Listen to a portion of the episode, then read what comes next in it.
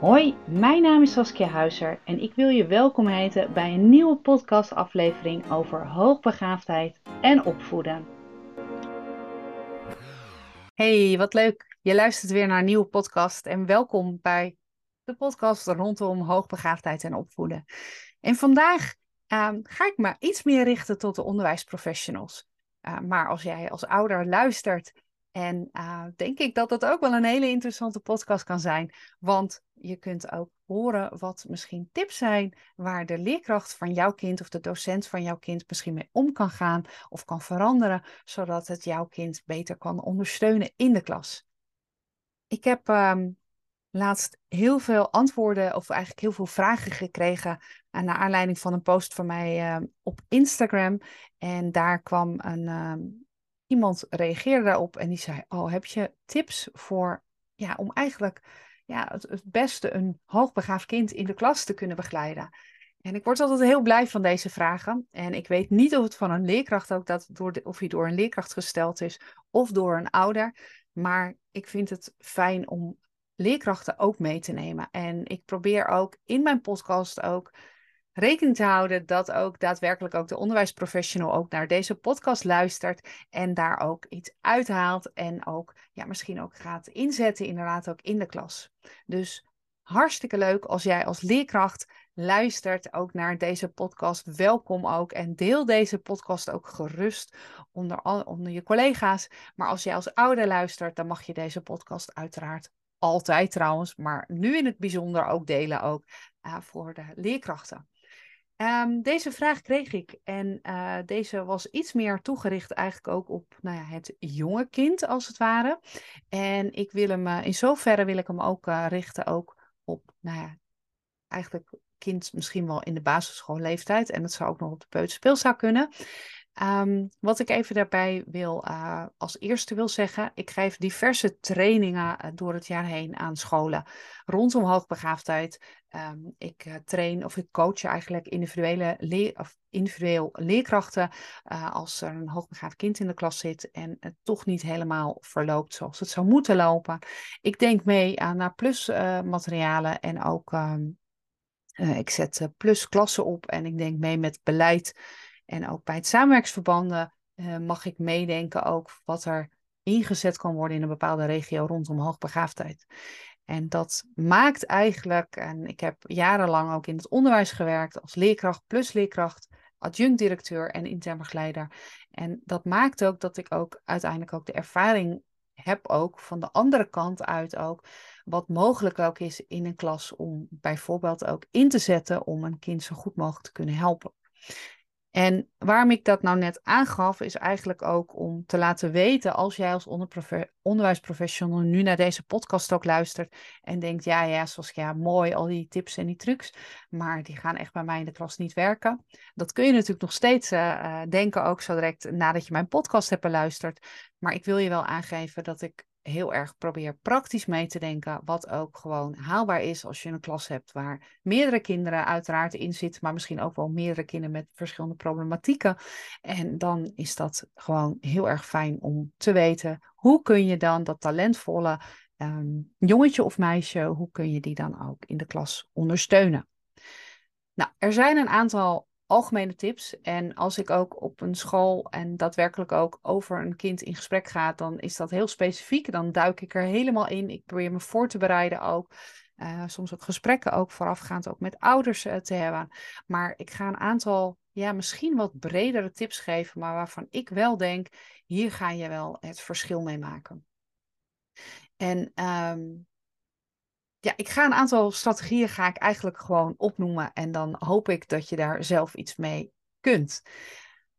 Stel, er komt, uh, en ik ga heel even ook van de kleuters uit. Stel, er komt een uh, kleuter uh, op school. En die komt natuurlijk in groep 1, 2. En mocht je uit België komen, nou in ieder geval zeg maar vanuit de nou de, de, jongste groep in ieder geval op school. Dan wat je dan merkt, is dat deze kinderen, die hebben vaak een uh, zeker als je dus vermoeden is van een ontwikkelingsvoorsprong, want daar spreek je dan over, dan zie je vaak dat deze kinderen de eerste dag op school komen en echt denken: Oh yes, ik ga nu heel veel leren. Uh, die hebben hoge verwachtingen ook. Uh, die denken eigenlijk al dat nou ja, de letters, uh, het schrijven, alles al voorbij komt. En ehm, dat is vaak niet zo, of eigenlijk in de meeste gevallen niet zo. Komt een kind zeg maar van een koude kermis thuis en ja, weet het alleen maar, heeft het lekker gespeeld. En dat kan ook echt perfect zijn voor kinderen, want dat hebben kinderen ook nodig. Maar wel soms anders dan het verwachtingspatroon. En in een eerdere podcast, en volgens mij, ik zeg uit mijn hoofd, volgens mij was dat twee podcasts terug, uh, podcast eh, 88 volgens mij, uh, heb ik ook gesproken over, nou ja, hoe breng ik ook uiteindelijk de basisschool op de hoogte dat ik een vermoeden heb dat mijn kind misschien een ontwikkelingsvoorsprong ook heeft. Nou, en hierop nog even inhakend wil ik eigenlijk aangeven ook dat als je een kind, uh, als een kind op school komt en ongeacht wat voor type kind het is, gewoon een kind, zoals heel veel kinderen zijn, um, is het eigenlijk wel heel interessant om van tevoren even met ouders te spreken. En juist voor de kinderen waar eventueel een vermoeden is ook van een ontwikkelingsvoorsprong, kun je soms heel veel informatie krijgen van ouders. Je kunt al horen dat misschien een kind al lang kan lezen. Of dat een kind op een hele jonge leeftijd, misschien was het wel nul, uh, en ergens een, uh, ik noem maar wat, een maand of tien, elf, dat het al best wel in aardige zinnen kon praten. Dat zijn voor jou als onderwijsprofessional interessante bevindingen waaraan je kunt nou ja, nog niet helemaal de conclusie kan verbinden, maar in ieder geval wel kan bedenken: hey, dit is een kind wat ik wel extra in de gaten moet houden. En misschien juist wat extra moet stimuleren door middel van materialen of middelen. Um, mocht dit niet het geval zijn bij jou op school, mocht dit niet een ja, standaard procedure zijn, uh, dan is het misschien wel interessant om dat ook eens te bespreken met bijvoorbeeld de adjunct-directeur, locatieleider, directeur of intern begeleider, bouwcoördinator. Nou, wie daar dan ook eigenlijk verantwoordelijk voor is. En bespreek dat dan ook om te kijken van, hé, hey, wat zouden we kunnen doen om deze kinderen misschien nog een beetje beter te leren kennen? En ik weet dat heel veel kinderen mogen wennen op school. Uh, ook dat zijn interessante momenten om te kijken van, hé, hey, wat doet een kind nu precies? Uh, en misschien ook wel om heel kort soms een gesprekje aan te gaan met een kind. En eigenlijk is dat ook een van mijn tips. Dat geldt eigenlijk voor alle groepen, uh, zelfs voor het voortgezet onderwijs, maakt niet uit. Maar heb regelmatig een gesprek. Zeker bij kinderen waar je vermoeden hebt van een ontwikkelingsvoorsprong. Deze kinderen vinden het fijn om gehoord en gezien te worden. Vindt ieder kind, maar deze kinderen nog wat meer. Want er zijn, uh, nou ja, jongens of meisjes, en dan vaak met name meisjes, die zich juist wat meer verschuilen en die juist zich niet zo laten zien. En als je dan een gesprekje kan hebben, en al is dat op het bankje tijdens het buitenspelen, het hoeft helemaal niet een officieel gesprek te zijn, maar dan kun je soms al zoveel te weten komen over een kind. Of ga even meespelen met het kind. Als het een kleuter betreft, ga ook even, uh, ik noem maar wat, die toren bouwen. En ondertussen hou je even een gezellig praatje. Je kunt daaruit zoveel halen. Zoveel informatie. Hoe een kind denkt, hoe een kind praat, uh, qua zinsvolgorde, um, qua ideeën, qua creativiteit, um, misschien ook wel qua wensen. Het geeft zoveel informatie. En als een kind wat ouder is, dan kun je gewoon echt een kindgesprek houden. en ook echt vragen wat een kind uh, goed vindt gaan in de klas. Wat zou een kind liever anders willen? Um, en geef dan wel het aan dat het niet zo is dat als een kind met een waslijst komt met dingen die anders moeten, dat dat altijd zo zou kunnen. Maar het is gewoon heel fijn als je weet, hé, hey, er wordt naar mij geluisterd. En ergens hebben wij dat als persoon, hebben wij dat ook allemaal, dat wij dat heel erg prettig vinden. Ik gaf net al even aan, als een kind uh, nou ja, voor het eerst naar de basisschool gaat, dan is het fijn om eigenlijk voorafgaand ook uh, te communiceren met ouders. Uh, maar eigenlijk geldt dat ook voor alle leeftijdscategorieën, voor alle groepen of klassen waar een kind in zit. Die communicatie met ouders is zo ongelooflijk belangrijk.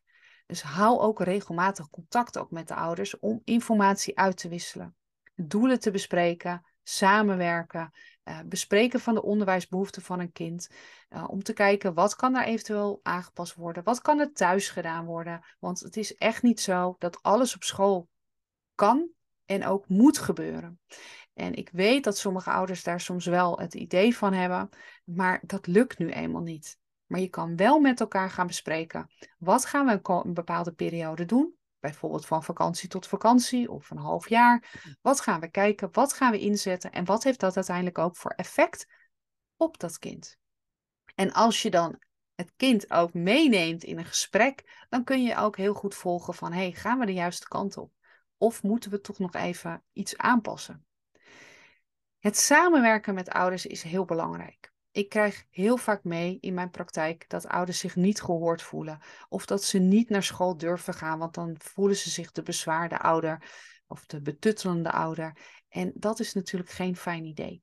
Dat ehm, moet ook eigenlijk niet zo zijn. Want als je nadenkt en als jij als onderwijsprofessional zelf misschien een kind hebt, dan wil je gewoon ergens ook, je wil gehoord worden. Niet alleen het kind, maar ook de ouder wil dit. Dus bespreek ook met elkaar hoe kun je uiteindelijk ook kijken ja, hoe, je iets, hoe je iets nader naar elkaar toe kan komen eigenlijk.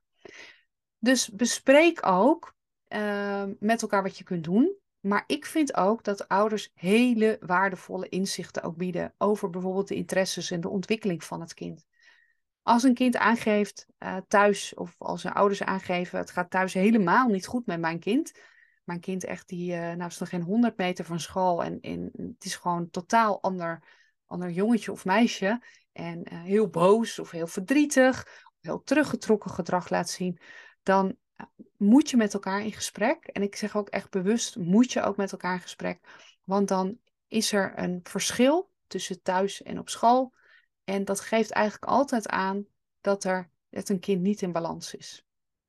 En het hoeft echt niet altijd bij school te liggen. Het kan ook met de thuissituatie te maken hebben. Maar het is wel belangrijk om met elkaar het gesprek aan te gaan.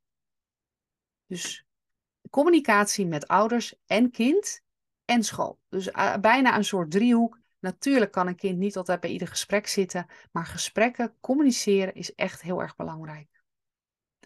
Nou, iets anders wat uh, heel belangrijk is, en ik denk dat dat uh, voor veel nou, onderwijsprofessionals, maar ook voor ouders wel een beetje zoiets is van, ja, natuurlijk Saskia dat dit iets is, dat is differentiatie.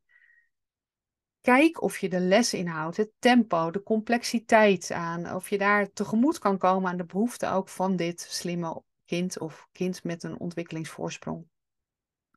Probeer uitdagende opdrachten en eventueel verrijkingsmateriaal ook aan te bieden dat aansluit bij de interesses van nou ja, deze jongen of dit meisje.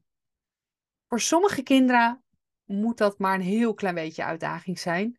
En voor andere kinderen moet dat iets meer zijn. En dan verwijs ik je ook naar eerdere podcasts ook, waarin ik ook aangeef dat niet voor alle kinderen altijd heel veel uitdaging heel erg verstandig is. En dat kan te maken hebben omdat ze toch wel moeite hebben met uh, nou ja, foutjes maken of de lat heel erg hoog leggen, een beetje perfectionistisch zijn, faalangstig zijn. En dan zie je ook wel dat deze kinderen uh, soms een beetje gestretched moeten worden, maar niet enorm. Uh, verder, als je kijkt ook naar, um, nou zeg maar, als je een kind ergens wil, wil ondersteunen, dan is het ook heel fijn als een kind met jou, met een onderwijsassistent of wie dan ook, soms heel even ook individuele begeleiding krijgt.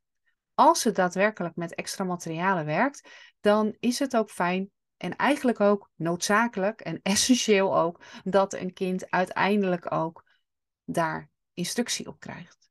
Het is namelijk niet zo dat een hoogbegaafd kind met extra werk zo in ene, huppakee, we doen het, je maakt het maar. Nee, ook dit, deze type kinderen hebben uiteindelijk ook instructie nodig en willen ook weten wat zij moeten doen, net als ieder ander kind. Denk dus ook niet dat als een kind iets niet heeft gedaan of niet heeft gemaakt, nou, zal het misschien wel niet hoogbegaafd zijn. Kinderen, zeker als iets moeilijk is en je hebt te maken ook inderdaad met faalangst, met mindset, dan kan het zijn dat een kind het gewoon toch niet uit zichzelf doet. Nou, en ook die gesprekken of die individuele begeleiding zorgen er ook ergens voor dat je het kind beter leert kennen, beter leert begrijpen en ook soms een betere relatie mee kan, uh, uh, kan opbouwen. En geef een kind dan ook feedback ook. En stel bijvoorbeeld ook doelen als je met een kind werkt en ook bijvoorbeeld instructie geeft en bespreek ook bepaalde leerbehoeften. Nou, verder is het ook heel belangrijk dat een kind uh, ook toch wel ook wel ondersteuning krijgt van ja, op het emotionele gebied. En hoogbegaafde kinderen kunnen zich heel vaak anders voelen. En uh, dat komt doordat ze nou ja, niet helemaal matchen of het gevoel hebben te kunnen matchen met hun leeftijdsgenootjes. En zij um, ervaren dan eigenlijk ook wel uitdagingen ook op het gebied van motivatie. Bijvoorbeeld perfectionisme of uh, interactie. En kijk ook of je daar ook aandacht aan kan besteden. Sowieso aan het kopje misschien anders zijn. Uh, dat ieder kind anders is en dat is ook zo. Ieder mens is anders, ieder kind is anders. De een ziet er anders uit, de ander denkt anders, de ander voelt zich anders. En uh, op het moment dat je dat ook regelmatig bespreekbaar maakt in de klas, ja, hoeft ook het hoogbegaafde kind zich ook niet echt heel veel anders te voelen. Want hij of zij weet dat het eigenlijk dat ieder kind zich wel anders kan voelen. Maar juist dit type kind voelt zich begrepen en gewaardeerd ook. En dat is ook heel erg fijn om te ervaren. Uh, dat heeft ieder mens. Uh, maar goed, ik maak deze podcast voor het hoogbegaafde kind. En hoogbegaafde kinderen hebben dat ook absoluut nodig ook. Verder, wat ook interessant kan zijn, is om te kijken of je je groep misschien wel in kan delen op bepaalde niveaus. Juist kinderen die, er zijn altijd wel meer kinderen in de klas die uh, een wat hoger niveau hebben. Sommigen hebben, een wat, hebben wat meer hulp nodig. En de, soms, sommige groepen noemen het, of sommige scholen noemen het een mingroep, een plusgroep en een gemiddelde groep, de basisgroep. Maar kijk eens of je ook deze kinderen soms eens samen kan zetten. Want juist de ontwikkelingsgelijken, de peers, um, dat, dat vinden kinderen vaak fijn. En dat kan zelfs al in de kleuterklas. Dat je uh, bijvoorbeeld een keer een kring houdt met wat meer filosofievragen voor de wat sterkere kinderen. Um, uh, misschien iets met techniek voor kinderen die daar helemaal op aangaan. En je hoeft niet altijd in te delen op, op, zeg maar op cognitie van de zwakkere kinderen dit, of, en de goede kinderen bij elkaar. Zeker niet. Maar de kinderen die juist heel creatief bijvoorbeeld heel erg zijn. En dat kunnen kinderen van allerlei intelligentieprofielen zijn. Die eh, kun je ook met elkaar indelen. En dat zorgt ervoor dat je ja, een, een soort andere dynamiek ontstaat er dan. Verder, ja, de verrijkingsactiviteiten. Ik noemde net al even de differentiatie aan, maar de verrijkingsactiviteiten, als je uh, af en toe extra uitdagende activiteiten kan aanbieden, die dus ook de, interesses en de talenten ook van, het, uh, van jouw hoogbegaafde leerling kan aanspreken, dan zou dat heel prettig zijn. En dat kan zijn door een onderzoeksopdracht, uh, dat kan zijn door een creatieve taak of misschien eventueel een plusklas. Maar dat kan heel interessant en leerzaam zijn. Ook om te observeren trouwens als leerkracht.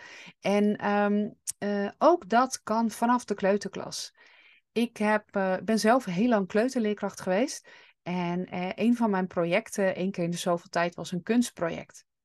En dat kunstproject, dat probeerde ik heel erg te differentiëren.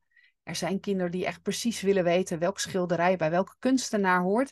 Maar er zijn ook kinderen die het helemaal willen ja, namaken, als het ware. En uh, daarin differentieerde ik ook heel erg. Als, men, als kinderen iets wilden weten uiteindelijk over de achtergrond van de, van de schilder, dan ging ik daarop door en dan ging ik vertellen waarom een schilder een bepaald type schilderij maakte.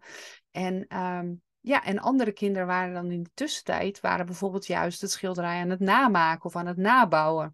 En um, zeker in, in groep 1, 2 is dat vaak heel goed mogelijk. En in de hogere groepen wordt dat vaak iets minder. Maar kijk eens of je, ja, of je een bepaalde clustering kan aanbieden. En dus niet alleen maar van plus- en min kinderen.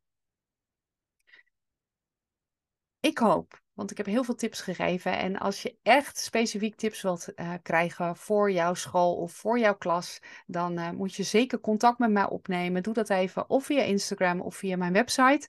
Uh, dan kan ik misschien met je meedenken ook. Dan kan ik misschien een keer langskomen of we kunnen misschien een keer een online meeting organiseren.